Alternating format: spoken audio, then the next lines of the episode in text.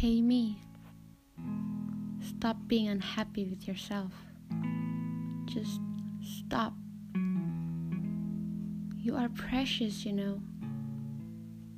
Just stop wishing you want to be someone else or wishing people like you as they love someone else.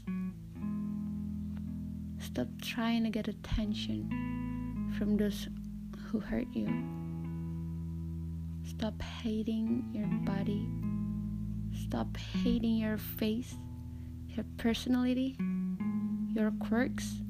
Just love them. Without those things, you wouldn't be you. And why would you want to be anyone else? Have passion with yourself. Nobody ever got better overnight.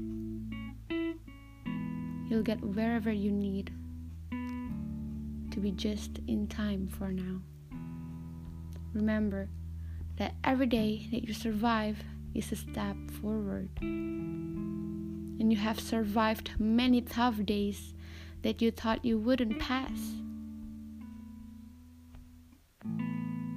Be proud of yourself and keep going. Be confident with who you are. How hard it is to smile. Just smile, it'll draw people in. From now on, my happiness will not depend on others anymore. I am happy because I love who I am. I love my flaws. I love my imperfections because they make me me. And me is pretty amazing.